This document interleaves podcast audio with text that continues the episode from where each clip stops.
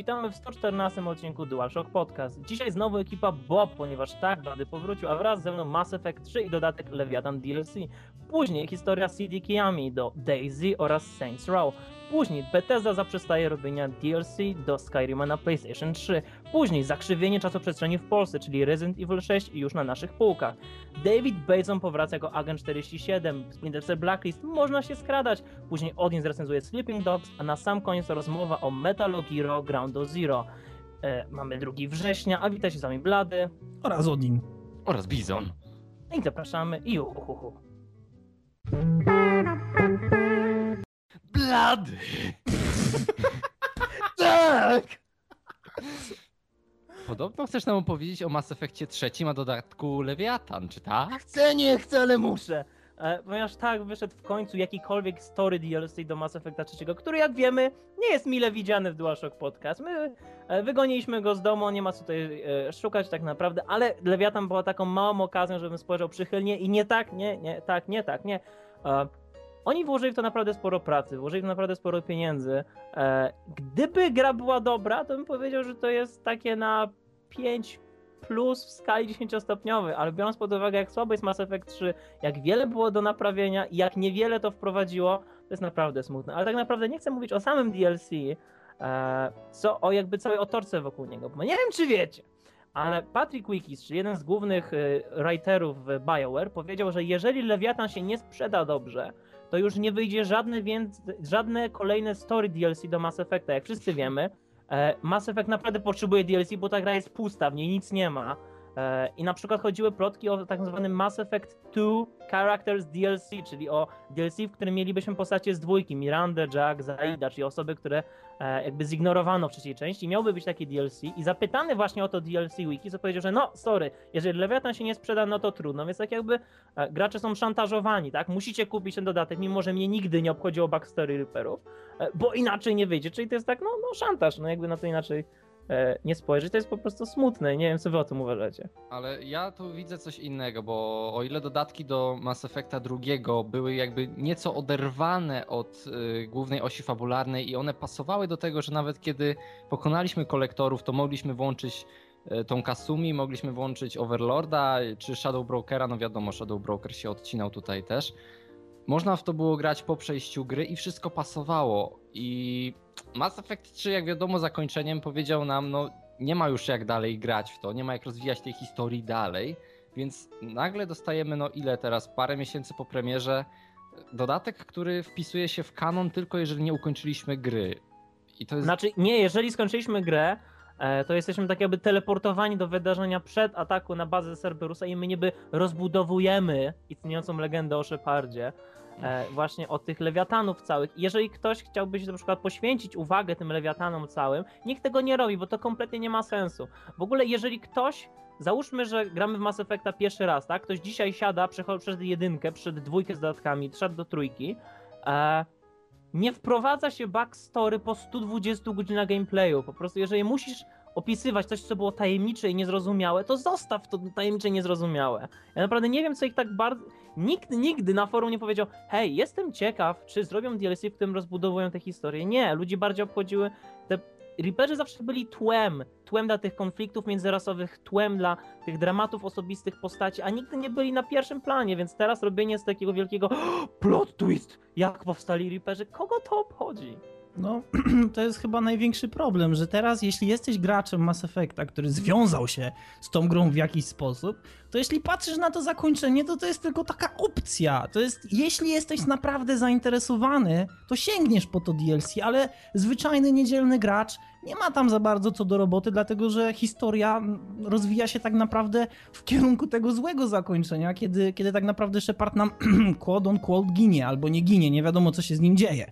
E, tak czy inaczej, teraz wciskanie graczom tego przymusu kupienia tego dodatku, bo, bo nie powstanie żadne inne, no jest chamskie po prostu, dlatego że nie każdy chce mieć kontakt z takim czymś, z taką grą, z takim rozwinięciem, a na pewno, tak jak Blady powiedział, oczekuje tego, czego tak naprawdę potrzebujemy i, i czego chcemy od Mass Effecta, czyli właśnie tych historii postaci, które w trójce były no, trochę zlekceważone, dlatego że mieliśmy naprawdę genialne postacie, które zostały odsunięte na bok, z częścią tych postaci pożegnaliśmy się w taki sposób, że aż, że aż po prostu się człowiekowi robi przykro.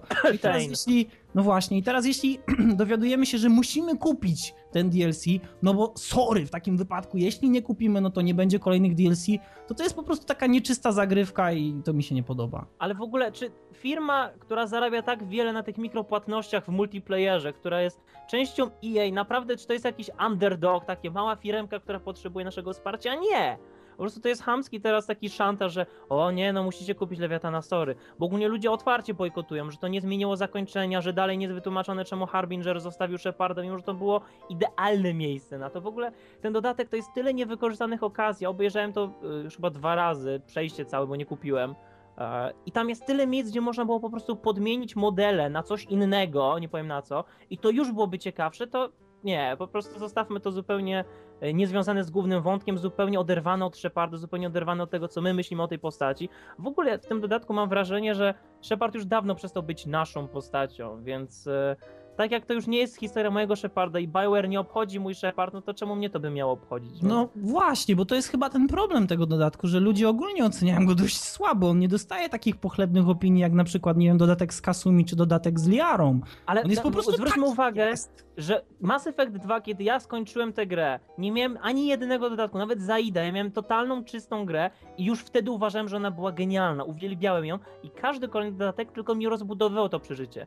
A w przypadku trójki ludzie mówią, "Hmm, musicie naprawić to, to, to i to, tu trzeba uzupełnić, to nie macie rozwinięte, także to po prostu pokazuje, jak sobą grą jest trójka, jeżeli ludzie zamiast chcąc rozbudować te historie, to najpierw chcą, żeby oni załatali te dziury. 2 września padło to stwierdzenie. Jak słabą grą jest trójka.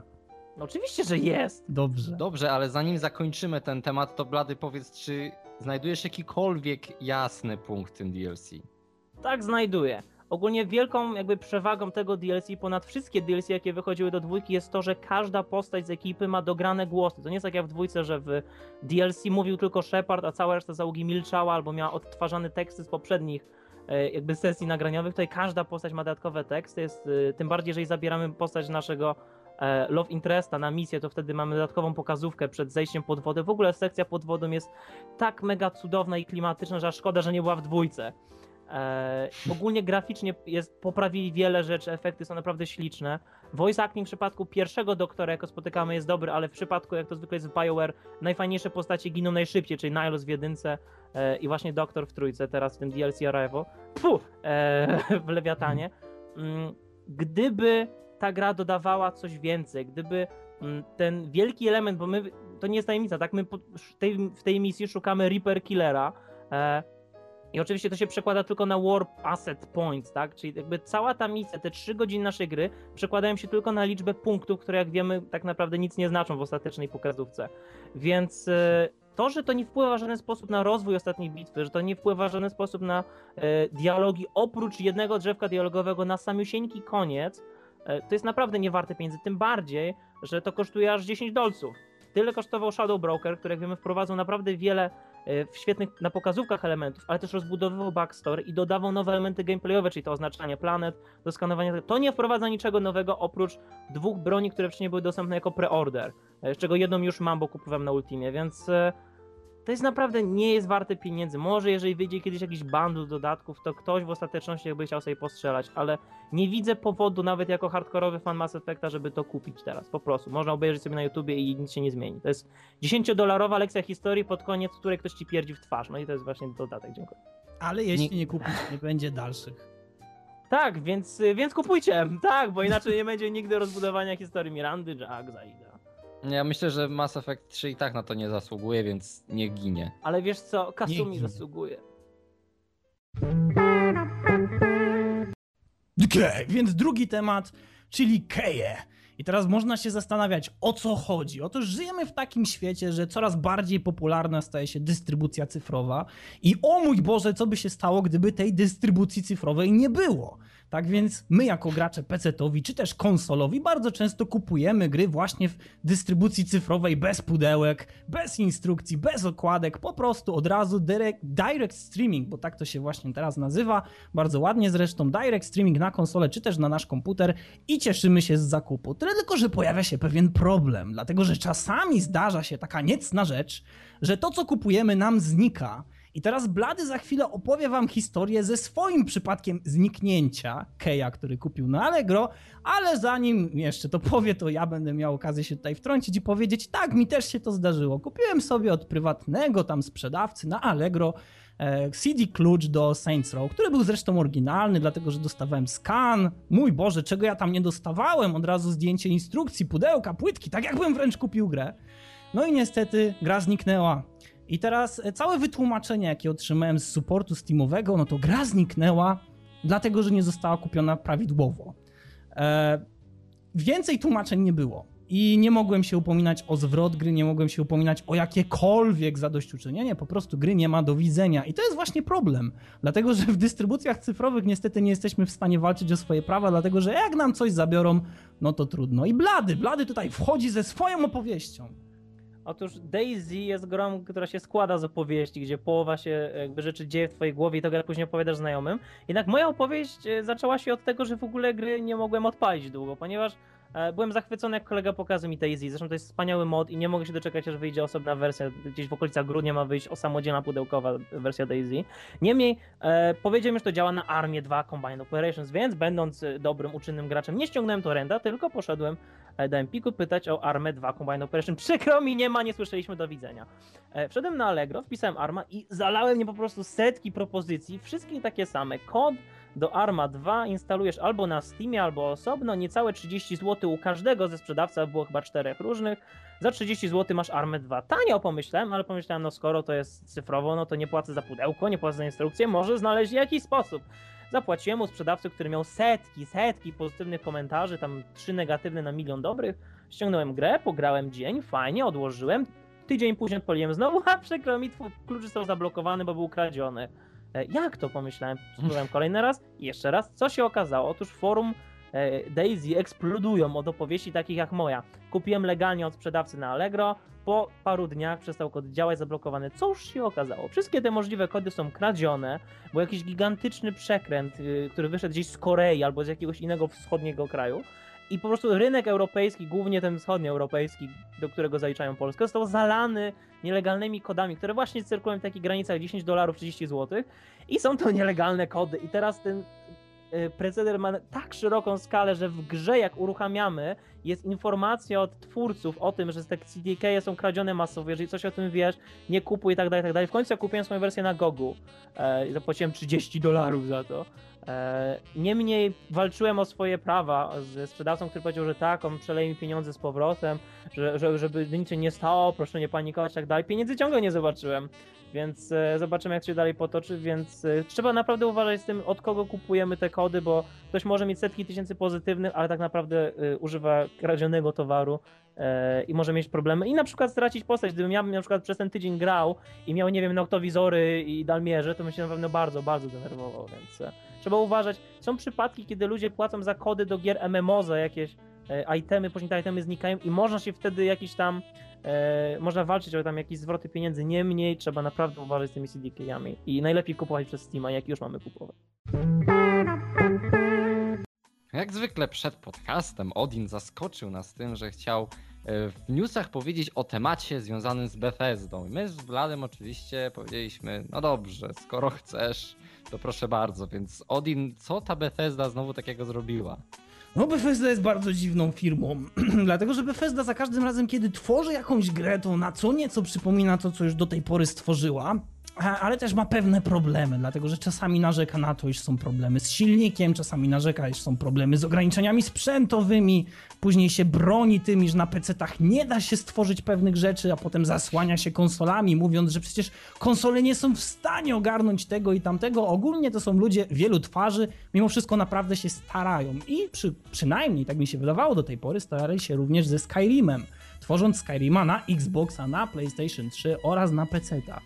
E, I jak być może uważny słuchacz, uważny gracz zdaje sobie sprawę, nie tak dawno pojawiła się, no, pojawił się dodatek DLC, tak zwany Downguard, e, który spotkał się no, z dużą aprobatą, wprowadził kusze, wprowadził polowanie na wampiry, ogólnie no, całkiem smaczny dodatek do takiego, już powiedziałbym, dość bogatego doświadczenia, jakim jest niewątpliwie cały Skyrim. No ale co się okazuje, niestety gracze na PS3 się tego nie doczekają. Bethesda przez jakiś czas mówiła: OK, damy sobie radę, spokojnie, musimy przygotować Downguard pod PS3, ale nie tak dawno wystosowali oświadczenie, w którym powiedzieli: Po prostu nam się to nie opłaca.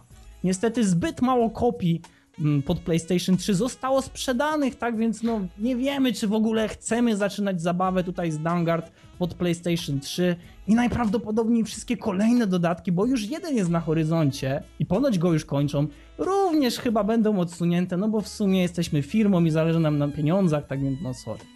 No to ja widzę kolejny kro- krok Bethesdy, kiedy będą robić kolejną grę. Po prostu, no zrobimy grę na Xboxa i na PC-ta. Na PS3 się nie opłaca, bo i tak się nie sprzeda, dodatków i tak do niej nie zrobimy, więc kupcie sobie Xboxa. Naprawdę. Znaczy ja mam, takie, ja mam taką radę dla Bethesdy, nie bądźcie gównem. Bo gdyby wersja na PlayStation 3 nie była takim syfem, który się wyłącza po 3 godzinach grania, bo przeładowuje pamięć konsoli, gdyby e, miał lepszą grafikę niż wersja Xboxowa, a nie gorszą, gdyby miał lepszy i stały framerate, gdyby smoki nie latały tyłem, gdyby patche wychodziły tak szybko jak na Xboxie, to pewnie by więcej sprzedali kopii. A to jest właśnie to, o, wypuśćmy wadliwy produkt, powiedzmy, że się źle sprzedaje, więc na przyszłość nie będzie wsparcia. Przecież nie to samo zrobiło teraz Dark Souls, wypuszczając ten okropny port na PC-ta? O yes! Wypuśćmy syf, bo wszyscy proszą, powiedzmy później, no przyjęcie było mniej e, gorące niż się spodziewaliśmy, dlatego w przyszłości raczej to jest po prostu smutne, bo tak łatwo przejrzeć, co oni teraz robią. Nie, wyszły, nie wyszła wam wersja na PlayStation 3, musielibyście się, broń Boże, zmęczyć robiąc konwersję, to teraz nie będziecie robić DLC. To jest po prostu smutne. E, tym bardziej, że chyba nie te czasy, żeby robić taki silny podział na Xbox a PlayStation 3, tak? Jesteśmy na takim etapie rozwoju tych konsol, że deweloperzy potrafią nawet ci nie najwyższej półki to ogarnąć, a Bethesda nie może. Please, naprawdę please. No i nie było jakoś problemów z tym, żeby konwertować inne gry typu Fallout na przykład, nie? Wszystkie konsole i PC dostawały, wszystko naraz dostawało dodatki i wszędzie one działały, więc chyba potrafią to zrobić, a no to jest zwykłe olewanie gracza, który na przykład jest wielkim fanem tworów Bethesdy i ma to PS3 i kupił tą grę i nie zbaczał nawet na to, że ona ma te błędy, że ona ma gorszą grafikę, no bo co ma poradzić? Ma tylko konsolę Sony w domu, jego PC nie domaga na przykład, ma to swoje PlayStation i właśnie na nie kupił Skyrima i jak taka osoba ma się teraz czuć? Znaczy właśnie przez chwilę myślałem, jakie to musi być straszne być fanem Skyrima na PlayStation 3, widzieć jak ci wszyscy plują w twarz, traktują cię jak gracza jakby pod, pod gorszej, podlejszej kategorii, a ty dalej chcesz tej gry, chcesz, czekałeś na Downguard, czy Downguard miał czasową ekskluzywność na Xboxie, czekałeś na tą konwersję, czekałeś na następne e, DLC, a tymczasem dostajesz nic i oni ci mówią po prostu, no sorry, wybrałeś złą konsolę, dziękujemy, że kupiłeś pełną wersję, ale już teraz sobie więcej się z nami nie pobawisz. E, ale potem przypomniałem sobie, że jestem fanem Mass Effect 3, więc myślę, że Mass Effecta i... Więc pomyślałem, że chyba wiem, jakie to jest uczucie bycia zdradzonym, zapomnianym i, ignorowanym. Ale chyba wiem o co mi chodzi. Tak? Tylko w Polsce! Resident Evil 6 Przed premierą. Bo tak się akurat składa, że nasz kraj jest taki wspaniały, genialny i dostaje grę ile dwa miesiące przed premierą. Jeszcze dodatkowo w polskiej wersji językowej.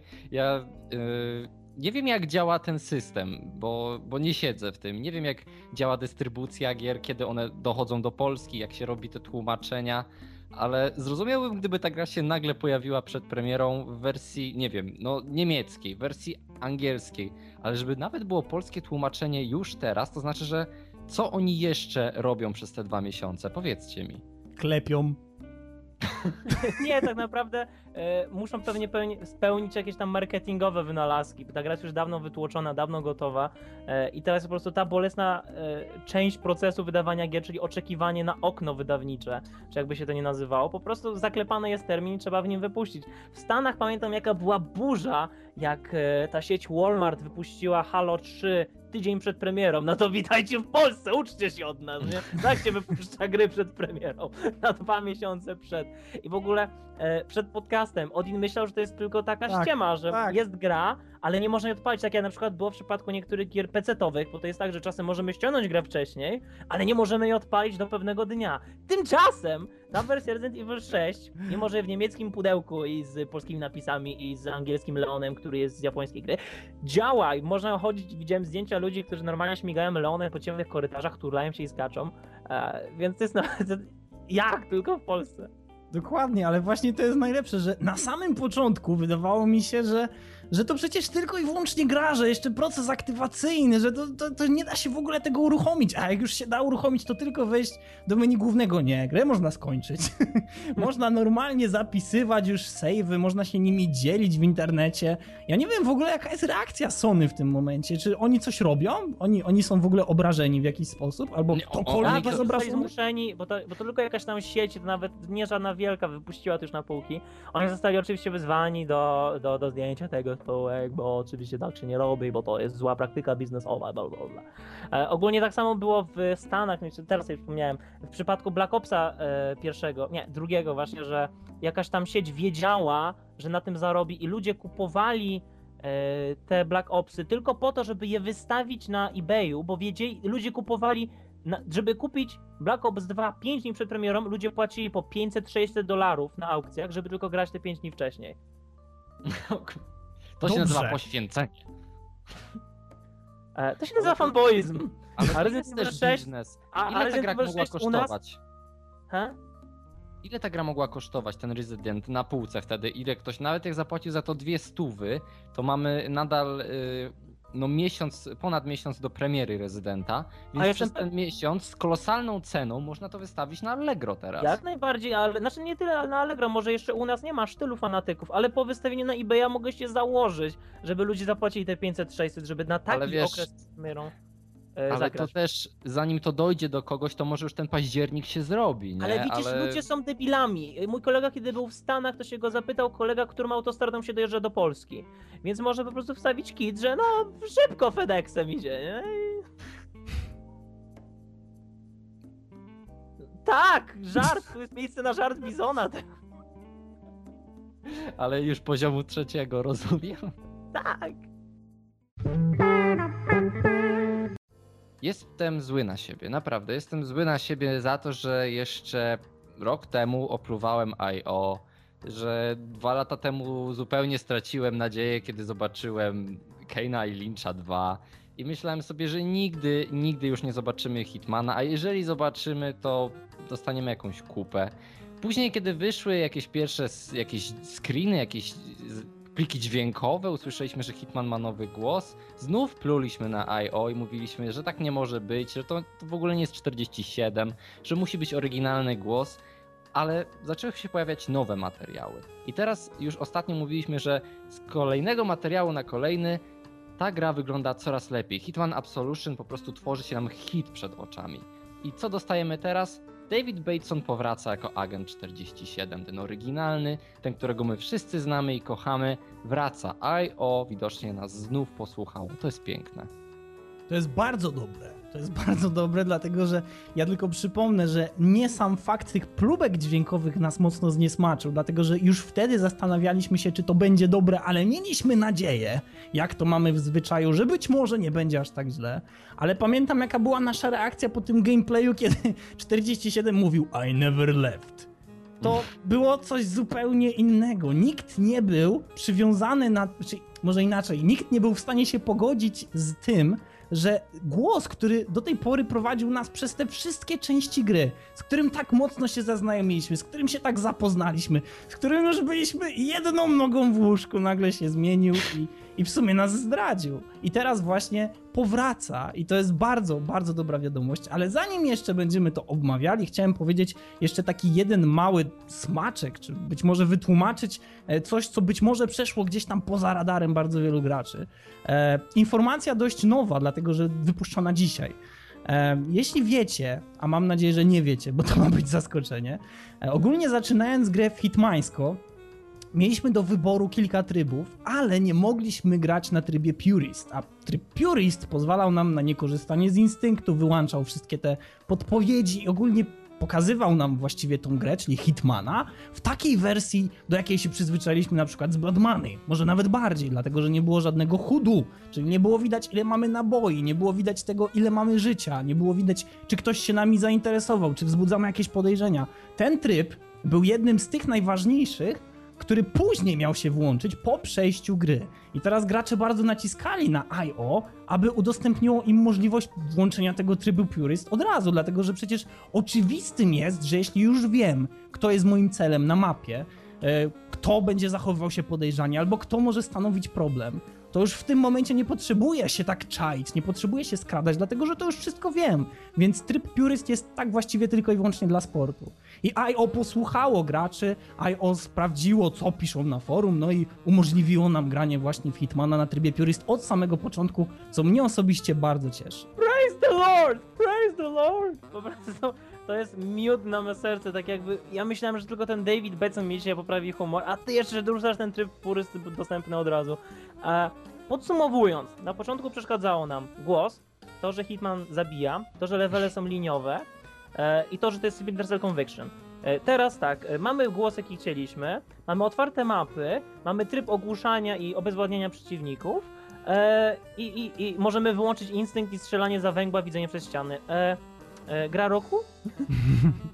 Nie, bo Miejmy to wygląda nadzieję. naprawdę coraz lepiej i ja myślę, że nam Blood Money, my kiedy myślimy o Hitmanie mamy cały czas jednak Blood Money przed oczami i to jest coś, na czym my opieramy każdą ocenę każdej gry tego typu i na pewno już każdego Hitmana do przodu. Widzimy Blood Money i przez ten pryzmat oceniamy co będzie złe, a co będzie dobre w Absolution i zapomnieliśmy trochę, że ta gra może robić rzeczy trochę nowe, może się troszkę inaczej prezentować, ale u korzeni, tam gdzie my nie widzimy tego tak na pierwszy rzut oka, może rzeczywiście być tym Hitmanem, którego znamy i lubimy, a nie musi wcale wyglądać dokładnie tak jak Blood Money. I na tym się przejechaliśmy. I tu musimy to przyznać, że to wcale nie jest to Conviction, że to może była zła strategia marketingowa, że oni na początku chcieli jednak przemówić do tych ludzi, którzy no może nie widzieli Hitmana do tej pory, może nie grali, bo też no ostatni Hitman wyszedł ile? 6-7 lat temu, tak? Więc może chcieli przemówić do jakiejś nowej publiki przez to i dopiero teraz pokazują nam to, albo rzeczywiście przez ten czas IO wprowadzało jakieś zmiany w trakcie, kiedy oni już tą grę ro- robili, no bo mija już chyba no dwa lata albo więcej odkąd ta gra powstaje, więc może się rzeczywiście słuchali i wprowadzali jakieś zmiany, albo po prostu od początku mieli taki zamysł i po prostu mydlili nam oczy pokazując coś innego. Niemniej teraz jeszcze z tym głosem o Jezus Maria, no bo- być może gra roku.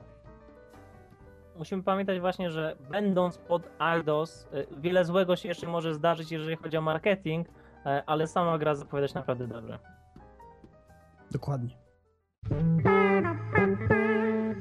Okej, więc zaczynamy kolejny temat. Mam nadzieję, że tutaj nie wszedłem zbyt mocno.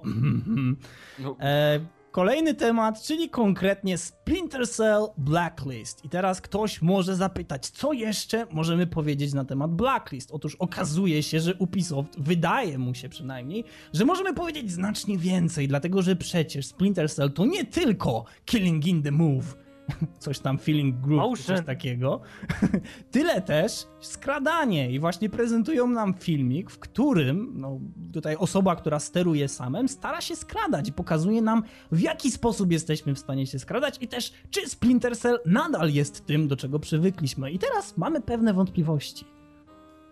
no, Powiadasz ja powiem, wątpliwości?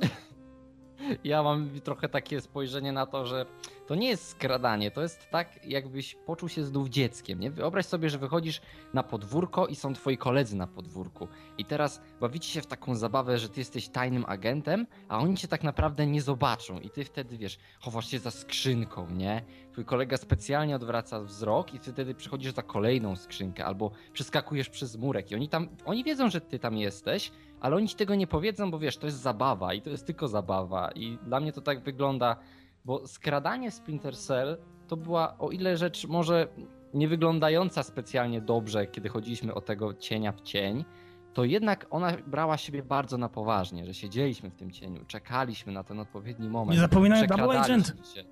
Tak, Double Agent troszkę to zmienił, ale chodzi mi o to, że to było takie poważne. Ty kiedy się skradałeś, nie czułeś, że to jest takie wymuszone. Mhm. Tymczasem tutaj to wygląda jakbyśmy się bawili na podwórku z tymi strażnikami. Naprawdę, kiedy sam przeskakuje, gdzieś chowa się za jakimś mureczkiem, później się wspina, oni go nie widzą. No, wygląda to komicznie według mnie. I już lepiej naprawdę ta gra wygląda, kiedy biegniemy przed siebie i strzelamy, bo Właśnie e, to skradanie, co oni zaprezentowali, wygląda komicznie. Ona chyba jest w ogóle stworzona po to, żeby biec przed siebie i strzelać, dlatego że tak jak zwróciłeś uwagę, w stosunku do poprzednich Splinter Cellów, to wygląda zupełnie inaczej, to wygląda komicznie, to wygląda zbyt łatwo. E, I szczerze powiedziawszy, tak jak Double Agent, bo akurat ja jestem wielkim zwolennikiem Double Agent, wprowadziło właśnie ten mechanizm skradania, kiedy rzeczywiście musiałeś się skradać, dlatego że nie mogłeś stać w cieniu, bo cienia po prostu nie było. Więc jeśli szedł strażnik naprzeciwko ciebie, to naprawdę musiałeś się gdzieś schować, musiałeś się schować tak, żeby cię nie było widać, musiałeś to zrobić szybko. A tutaj jest, no tutaj tak wcale nie jest. Tutaj potrafisz przemykać po prostu pod ich nosami albo przed nimi, kiedy oni są lekko odchyleni w lewo lub w prawo, oni cię po prostu nie widzą, nie zwracają na ciebie uwagi. Co najważniejsze, nic nie słyszą, ich pole widzenia jest tak zawężone, że to jest aż przykre. e, komandosi jedynka byli realistyczniejsi, jeśli chodzi o skradanie się i pole widzenia wrogów. Naprawdę. Oni tutaj nie widzą nic, oni mają takie jebitne klapki na oczach. W ogóle ja jak patrzyłem na ten gameplay teraz stealth, to miałem wrażenie, że to jest sekcja skradankowa z gier akcji. Wiecie, czasem gramy w jakąś grę, gdzie non-stop się zabija, zabija i nagle twórcy mówią, a, to teraz zrobimy taki level, w którym będziesz przechodził za plecami wrogów i to będzie taki klimatyczny moment skradania się. Wszystko fajnie w takiej zwykłej grze akcji, faktycznie, ale jeżeli to jest seria, która się opierała na skradaniu, e, Pamiętacie, jak kiedyś były te porównania, to jakaś lepsza gra skradankowa, Metal Gear czy Splinter Cell i wszyscy mówili, no Miałem to powiedzieć. Hmm. Wyrwałeś mi to właśnie. Miałem też o tym. Widzisz, wyjąłem ci to z ust w ostatnim momencie. A, więc, a, przepraszam. A, jeżeli teraz nowy Metal Gear wygląda na to, że będzie bardziej realistycznie przedstawiał skradanie niż Splinter Cell, co się stało z wszechświatem? Więcej, pomi- blady, więcej przecież Snake Eater sam w sobie jest wiele bardziej realistyczny, jeżeli chodzi o skradanie, niż to, co prezentuje teraz Splinter Cell. Zdecydowanie tam ci strażnicy przynajmniej no, są głupi. W grze skradankowej to jest jakby taka niepisana zasada. To jest jak oglądasz sitcom, tak, i wiesz, że ci ten świat jest przerysowany, tak wiesz, że w grach skradankowych przeciwnicy są głupi. Ale tam oni przynajmniej się tak powiem jak żołnierze, a nie jakieś takie drony, które, tak jak mówisz, siedzą i e, ja niczego nie widzę, niczego nie widzę. Tak. Wydaje mi się, że nawet w Alpha Protocol przeciwnicy byli znacznie bardziej ogarnięci i po prostu mieli to poczucie, co wokół nich się znajduje. Dlatego, że tutaj są sytuacje, w których po prostu przechodzisz obok gościa, on jest dwa metry od ciebie i on po prostu patrzy troszeczkę, kilka stopni bardziej w prawo i ty jesteś w stanie po prostu wstać, przeskoczyć przez przeszkodę i pójść dalej. I nie ma żadnych problemów. Zresztą sam też- fakt, że póki jesteś przy kucu, to ciebie nie słychać, nie? Robisz przyklęk i możesz skakać przez murki, możesz się turlać, chodzić po piachu, nie. bo im starszy, tym lepszy, blady. To jest tak jak wino. On nie jest starszy, to jest Benjamin Button, on jest coraz młodszy, no. Ale Tak. pamiętajcie jeszcze jedną rzecz, że tutaj nie ma już tej taktyki chowania ciał tam, gdzie być może my uważamy, że będzie najlepiej, bo to jest wszystko uskryptowane. Trzeba je Ten, wynosić. ten facet, który tam zabija strażnika na tym gameplayu, ma go w chacie, gdzieś gdzie no, widocznie nikt go by nie zauważył, gdyby go schował za ścianą, albo nie wiem, gdzieś za jakimś koło jakiegoś mebla, nie? Ale nie, ten koleś go podnosi i wynosi gdzie? Na zewnątrz i, I zamyka drzwi. Nie zapominaj, zamyka drzwi. Tak, to jest tak nielogiczne. Ja nie rozumiem, gdzie tu sens, gdzie tu logika. I przed podcastem, jeszcze tak dodatkowo, rozmawialiśmy o tym, jak w rzeczywistości wyglądałoby wspinanie po hydrancie. Boże, hydrancie. Boże, nie po hydrancie, po rurze, która odprowadza wodę z dachu. A to nie jest? Porynnie! Po rynnie, dziękuję. Nie, to No, właściwie ja, nie każdy, jest mam, rynna. każdy ma inną teorię. Ale rynna hydrant, nieważne. Tak czy inaczej, jakby to wyglądało w rzeczywistości, gdybyśmy się wspinali po czymś takim? No przecież ktoś zwróciłby na nas uwagę. I zastanawialiśmy się, czy po prostu ci, czy ci przeciwnicy nie nie myślą o nas jako o wielkim pająku, który po prostu po raz kolejny się tam znalazł, chorala znowu się wspina, no ale niech się wspina. Dawaj kapcia. Ale nie wiem, jakoś kiedy grałem, e, bo są właśnie takie, jest taka moment w historii, kiedy gry przestawały być stealth, gdzie stawały takie action stealth. E, Chyba Arkham Asylum to była taka gra, która właśnie połączyła taki, dała nowy stealth jakby nam. E, I mi tam naprawdę nie przeszkadzało to, że ten Batman, ten wielki czołg się może schować na gargulcu. Ale w Splinter Cellu to mi zupełnie nie pasuje, bo tamten świat był taki trochę przerysowany. Mówię, gdyby to była sekcja skradankowa w normalnej grze akcji, też bym powiedział, no, zrobili co mogli. Ale w grze, która się ma opierać na przekradaniu, na możliwościach, Tak. a w ogóle to, jak on się wspina po skałach. Ja gram w Icy Tower i to jest realistyczniejsze, naprawdę. Ziup. Ja jeszcze Ale- chciałem tylko i wyłącznie dodać, że w całej grze, w całym tym gameplayu, w pewnych momentach pojawia się taka statystyka. E, I ten gameplay nazywa się Ghost Playthrough. I teraz wydaje mi się, że zamiast Ghost Playthrough powinien się nazywać Handicap Playthrough, dlatego że to jest naprawdę level handicap albo poziom trudności handicap. Kiedy tak naprawdę możemy chyba wyjść na sam środek planszy, jeśli przeciwnicy nie będą bezpośrednio na nas patrzeć, no to nikt na nas nie zwróci uwagi i też wydaje Ale mi się, nawet że... jeżeli będą nas patrzeć, to masz napisane warning, strzałkę, skąd cię widzą. I właśnie to jest Zwolnione tempo.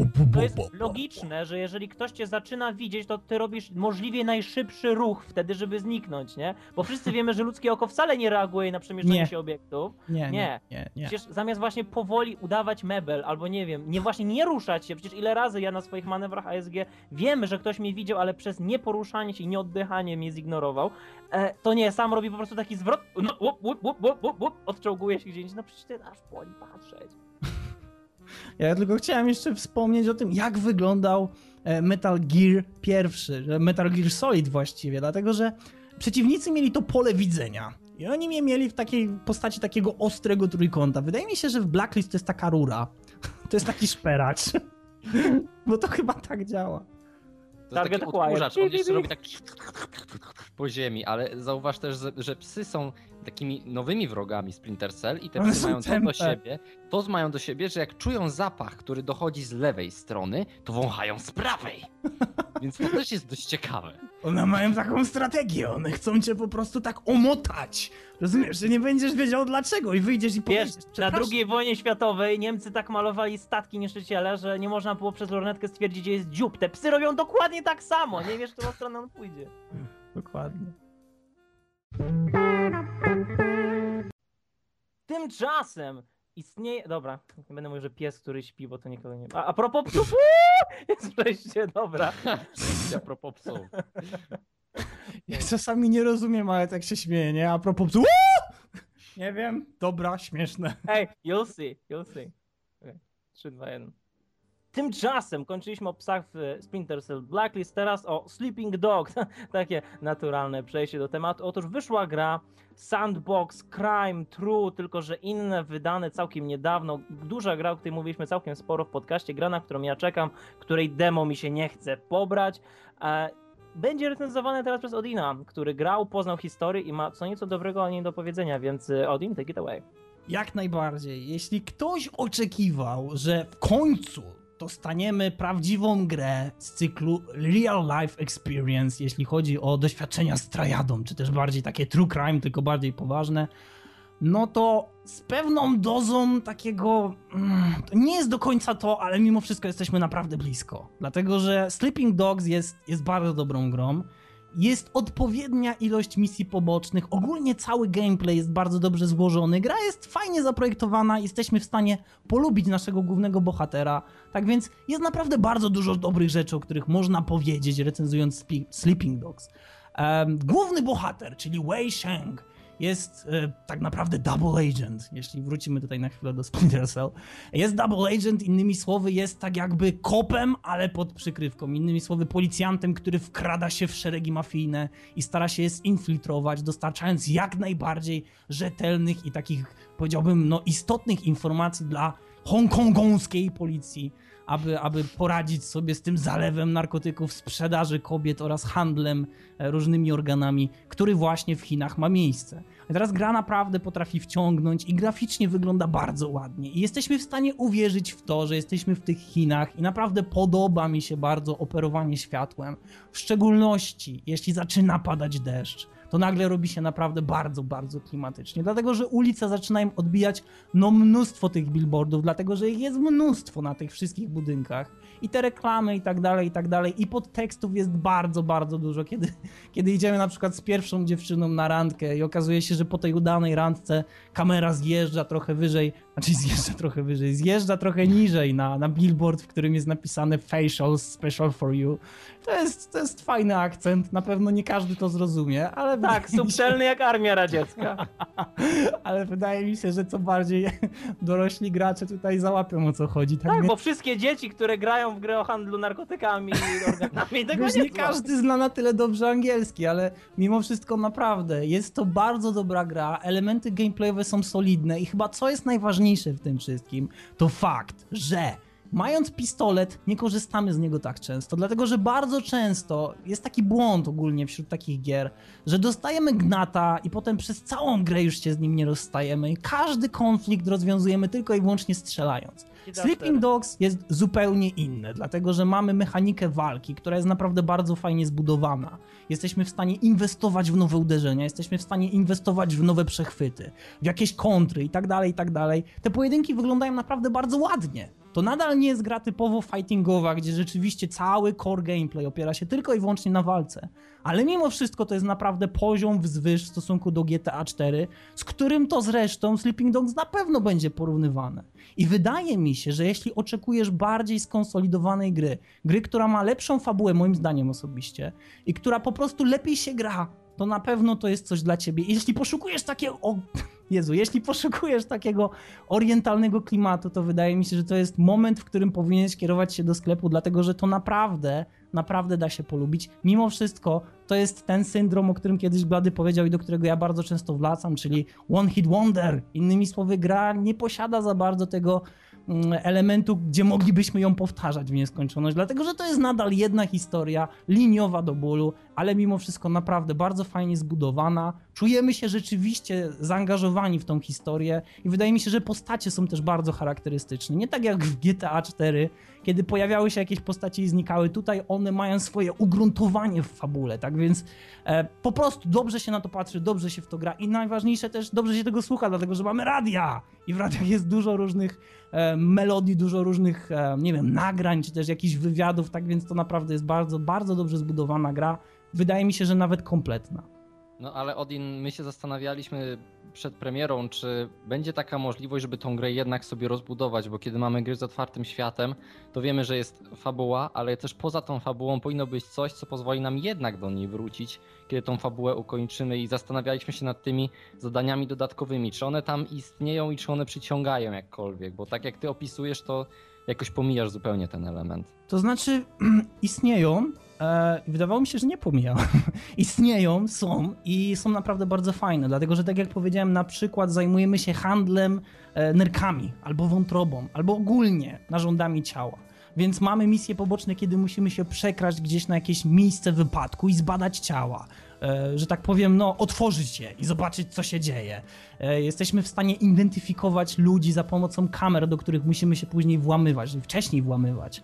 E, I zaznaczać dla, dla policjantów właśnie dealerów narkotyków po to, żeby ich przyskrzynić, no i dostać za to odpowiednią liczbę punktów.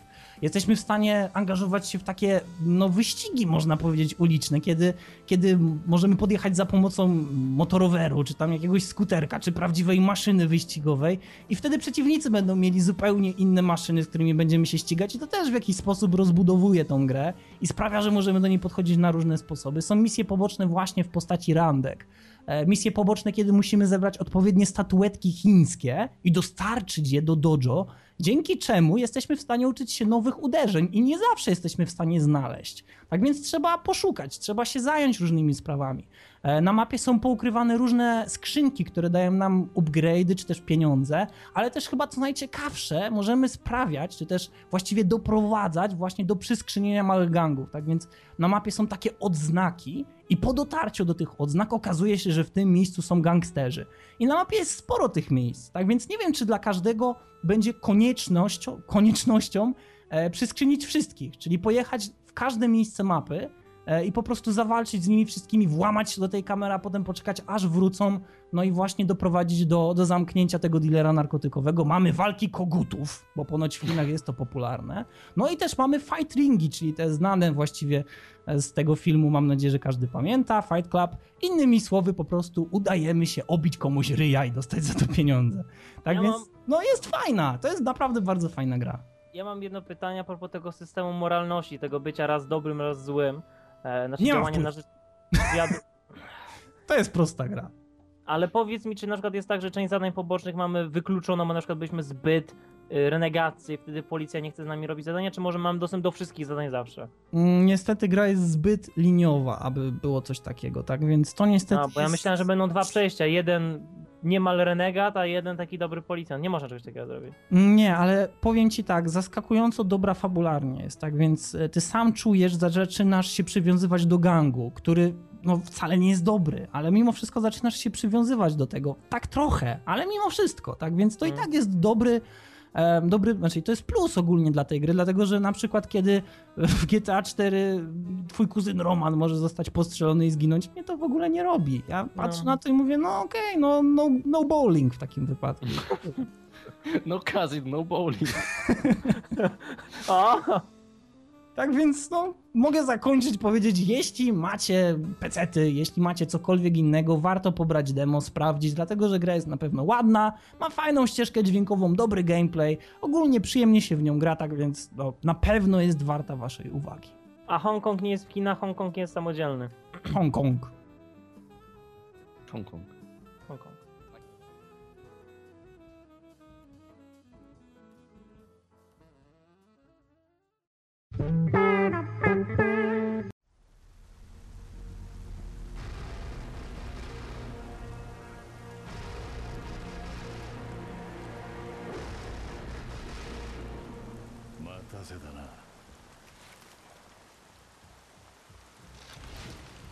Drogi Bobie, czy też drodzy my, nie wiem jak się do nas.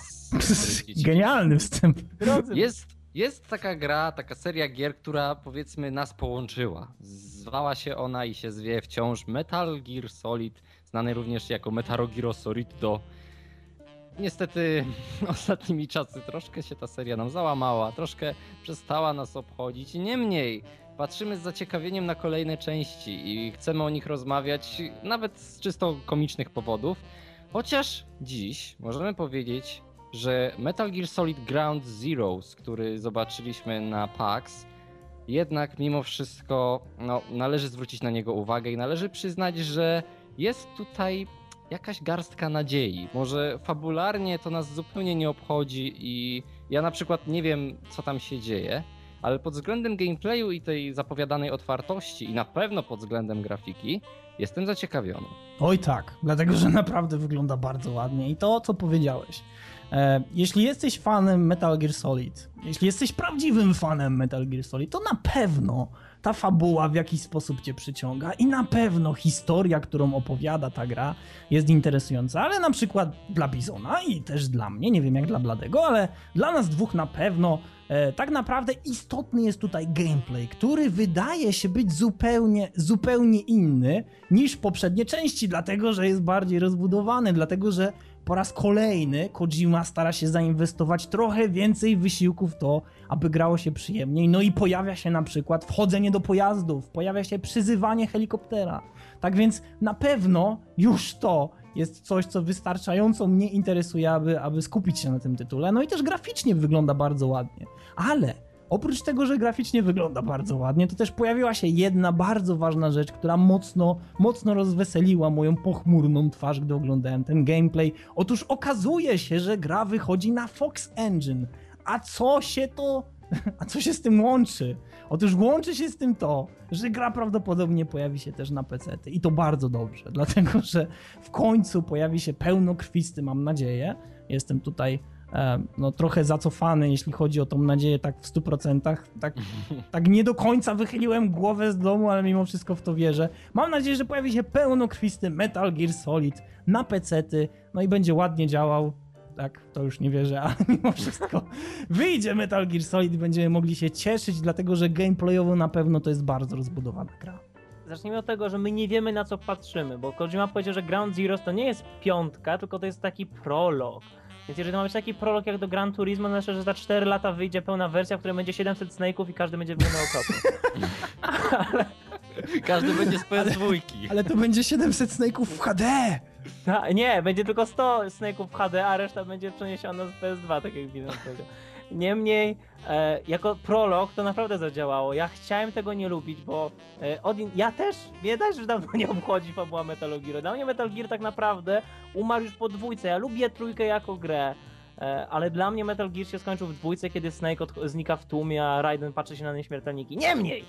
Jeżeli teraz wychodzi Rising i Ground Zero, no to fakt, Ground Zero wygląda o niebo lepiej, a w ogóle sama grafika. Ona jest ponoć ustawiona na current gen, current, current gen poziom i y, według Kojimy mniej więcej tak będzie wyglądała na PS3. I biorąc pod uwagę, Słowo jak klucz, mniej fenomenalnie... więcej. I wiesz co? Jakby to każdy inny deweloper powiedział, bym powiedział, aha, no mm, ściemniasz, fajnie, bullshit. Ale jeżeli zobaczysz, jak doskonale dzisiaj wygląda Metal Gear 4, naprawdę niesamowicie na, na, e, na PlayStation, to ja jestem w stanie mu uwierzyć, że to może być zbliżone. W ogóle Japończycy zawsze przykładali ogromną uwagę do teksturowania ubrań, e, jeszcze od czasów PS2 i to widać, naprawdę widać i to po Mhm. prostu chce się patrzeć, Tak. to aż chłoniesz te postacie, bo one są takie bardziej rzeczywiste. Mm.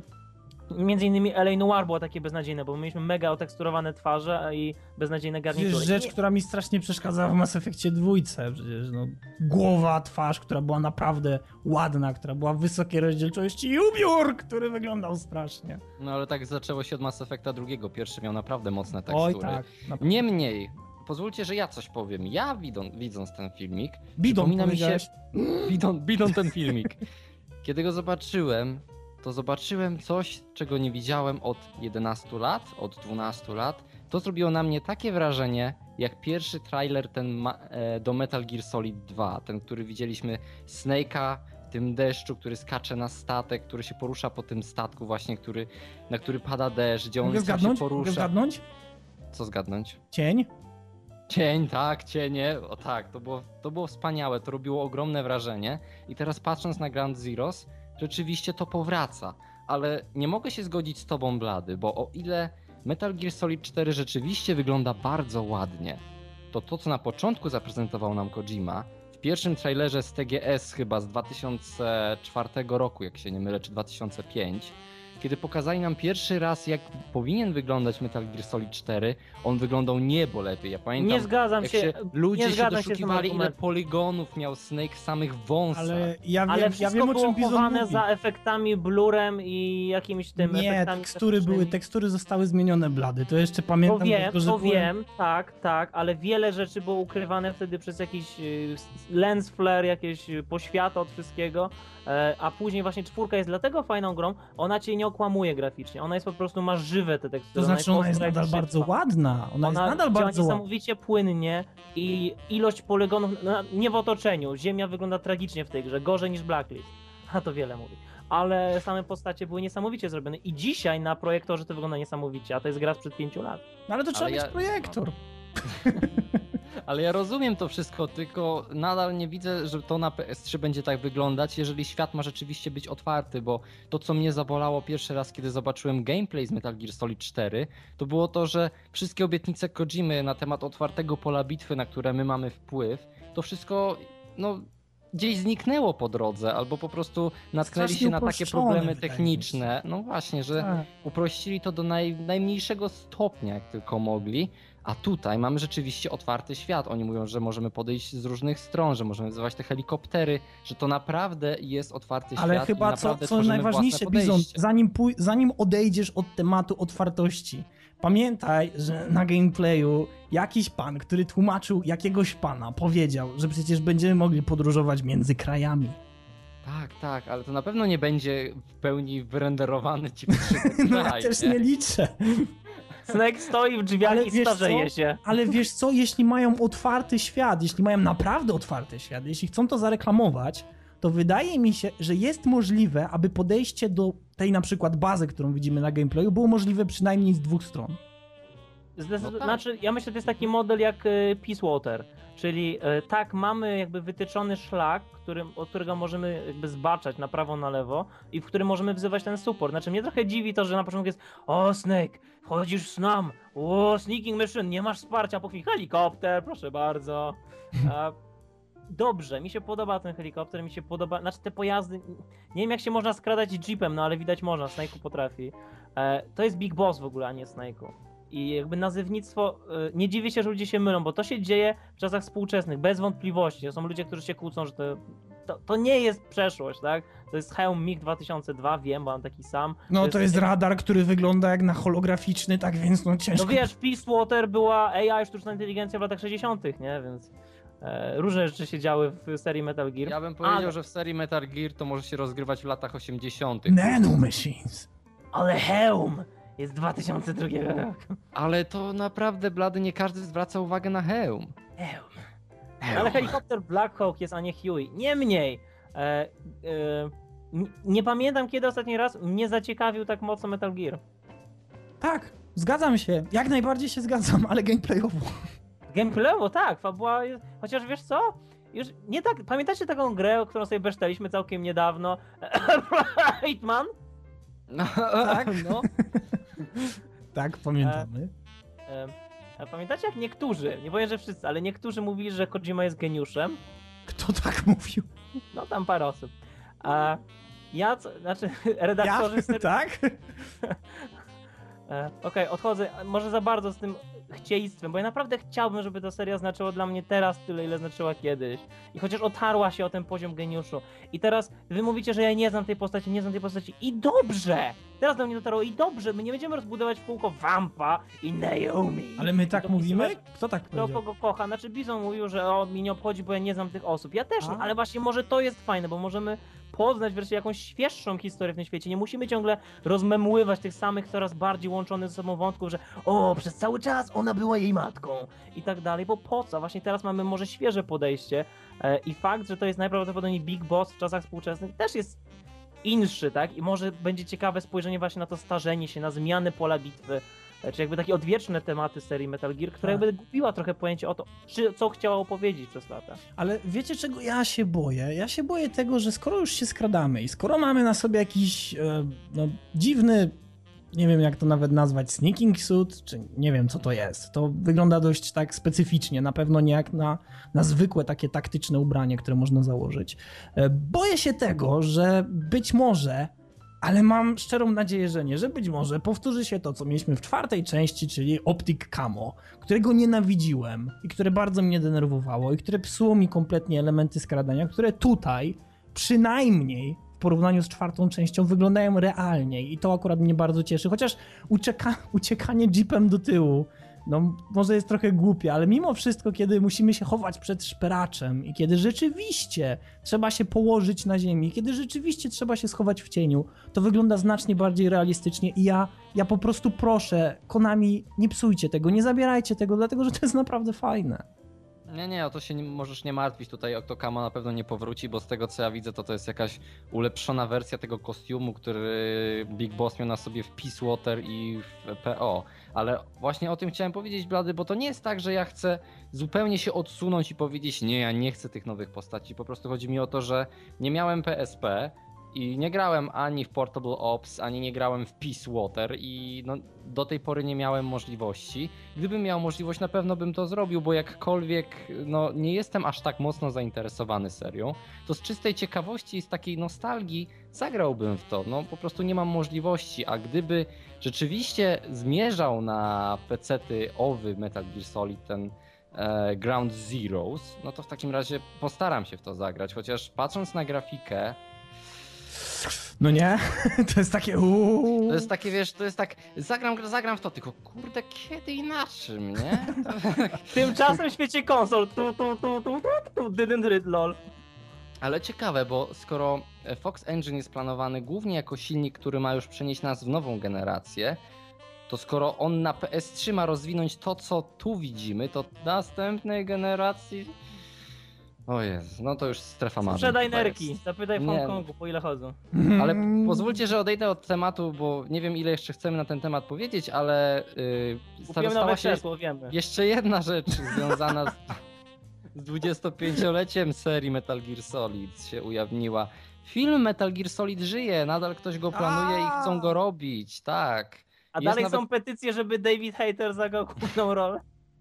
Może się pojawią jeszcze, bo A to czy jest to nie było tak, że Konami w jednym ze swoich postów na stronie swojej oficjalnej napisało, że zastanawiałem się na tym, żeby nie zrobić tego filmu na Fox Engine? Bo ja Kurde, pamiętam taki Obejrzałbym news co? i bardzo, się, to. i bardzo się zdziwiłem i mocno się zastanawiałem, czy rzeczywiście coś takiego miałoby prawo powstać. E, To znaczy, y, teraz z tych informacji wiadomo tylko, że tam się zainteresował, y, znaczy projektem opiekuje się jakiś producent, który produkuje teraz chyba, produkował Płatki. Avengersów i tego Spidermana nowego, więc A, zajmuje się takimi komiksowymi ekranizacjami, ale gdyby to rzeczywiście było CGI zrobione na silniku Fox, ja bym to kupił, naprawdę. Ale wiesz co, wiesz co, to nawet już teraz zdaje się być, no, że tak powiem, łakome, smaczne. Tak, ta gra, Dlatego, ja że bym tą już nawet to, co obejrzeć. widzimy na tym, na tym 14-minutowym nagraniu już jest fajne i mogłoby wyglądać jako taki CGI, taki film, gdyby to ładniej podkolorować, gdyby wrzucić te ładniejsze tekstury, to naprawdę ma, znaczy da, dałoby radę zabanglać. Mhm. Zaintrygowany. No ale Tymczasem wychodzi film. Mass Effect, który też mnie nie obchodzi. Blady, weź to zakończ jakoś ładnie po nas. Koniec. Nie no, jakoś ładnie. Może być koniec. Nie, niech, niech, niech będzie, Blady wrócił, rozumiesz, robi się DualShock podcast, który jest nieprzewidywalny. Niczym koń. Kończy się w środku tematu. Tak.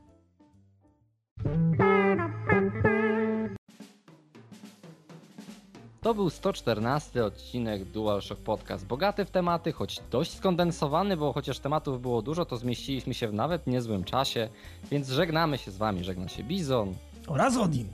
Oraz blady. I na razie. I para Poczyń- papa. Poczynił finish. Prowadź mnie, ja nie chcę takie na, na, na petardzie, jak mówiłem. nie Dobra, no. Uwaga, no to ja go wprowadzę. Uwaga, 3, 2, 1. Blady! Trzy. Boże. O Jezu. Nie, naprawdę. To źle. Dobra. Widzę potencjał. To źle jest. Dobra, Pracujmy ja, nad tym. ja zacznę jeszcze raz. Dobrze, Dobra. blady. Wstęp do swojego Mass Effecta Aukę. No to nie, no to ja mogę wprowadzić Bladego do tego przecież. A ja myślałem, że blady twardą ręką wejdzie w temat, no ale dobrze. No dobra, to niech wchodzi po prostu. Ja ja bym zrobił- nie podniecać, ręka nie jest twarda. Ja bym, ja, ja bym to zrobił na jego miejscu. Mass Effect 3, wróciłem. Dobra. E, sucho, piłaś. No. Ej, czujecie taką, czujecie takie, nie wiem, takie coś, że już nie trzeba nic więcej, ja tak mam teraz, że nie trzeba Mhm. nic więcej dodać, nie? Tak, Tak, tak to zrobiliśmy, że. tak siadło. No. I teraz Ale tak teraz- właśnie czuję się trochę zagubiony, bo nie wiem, czy, czy siadło, czy mi się wydaje, czy rzeczywiście siadło. Nie, ale to my to czujemy wszyscy naraz. Dziękuję. Muszę zobaczyć ten gameplay.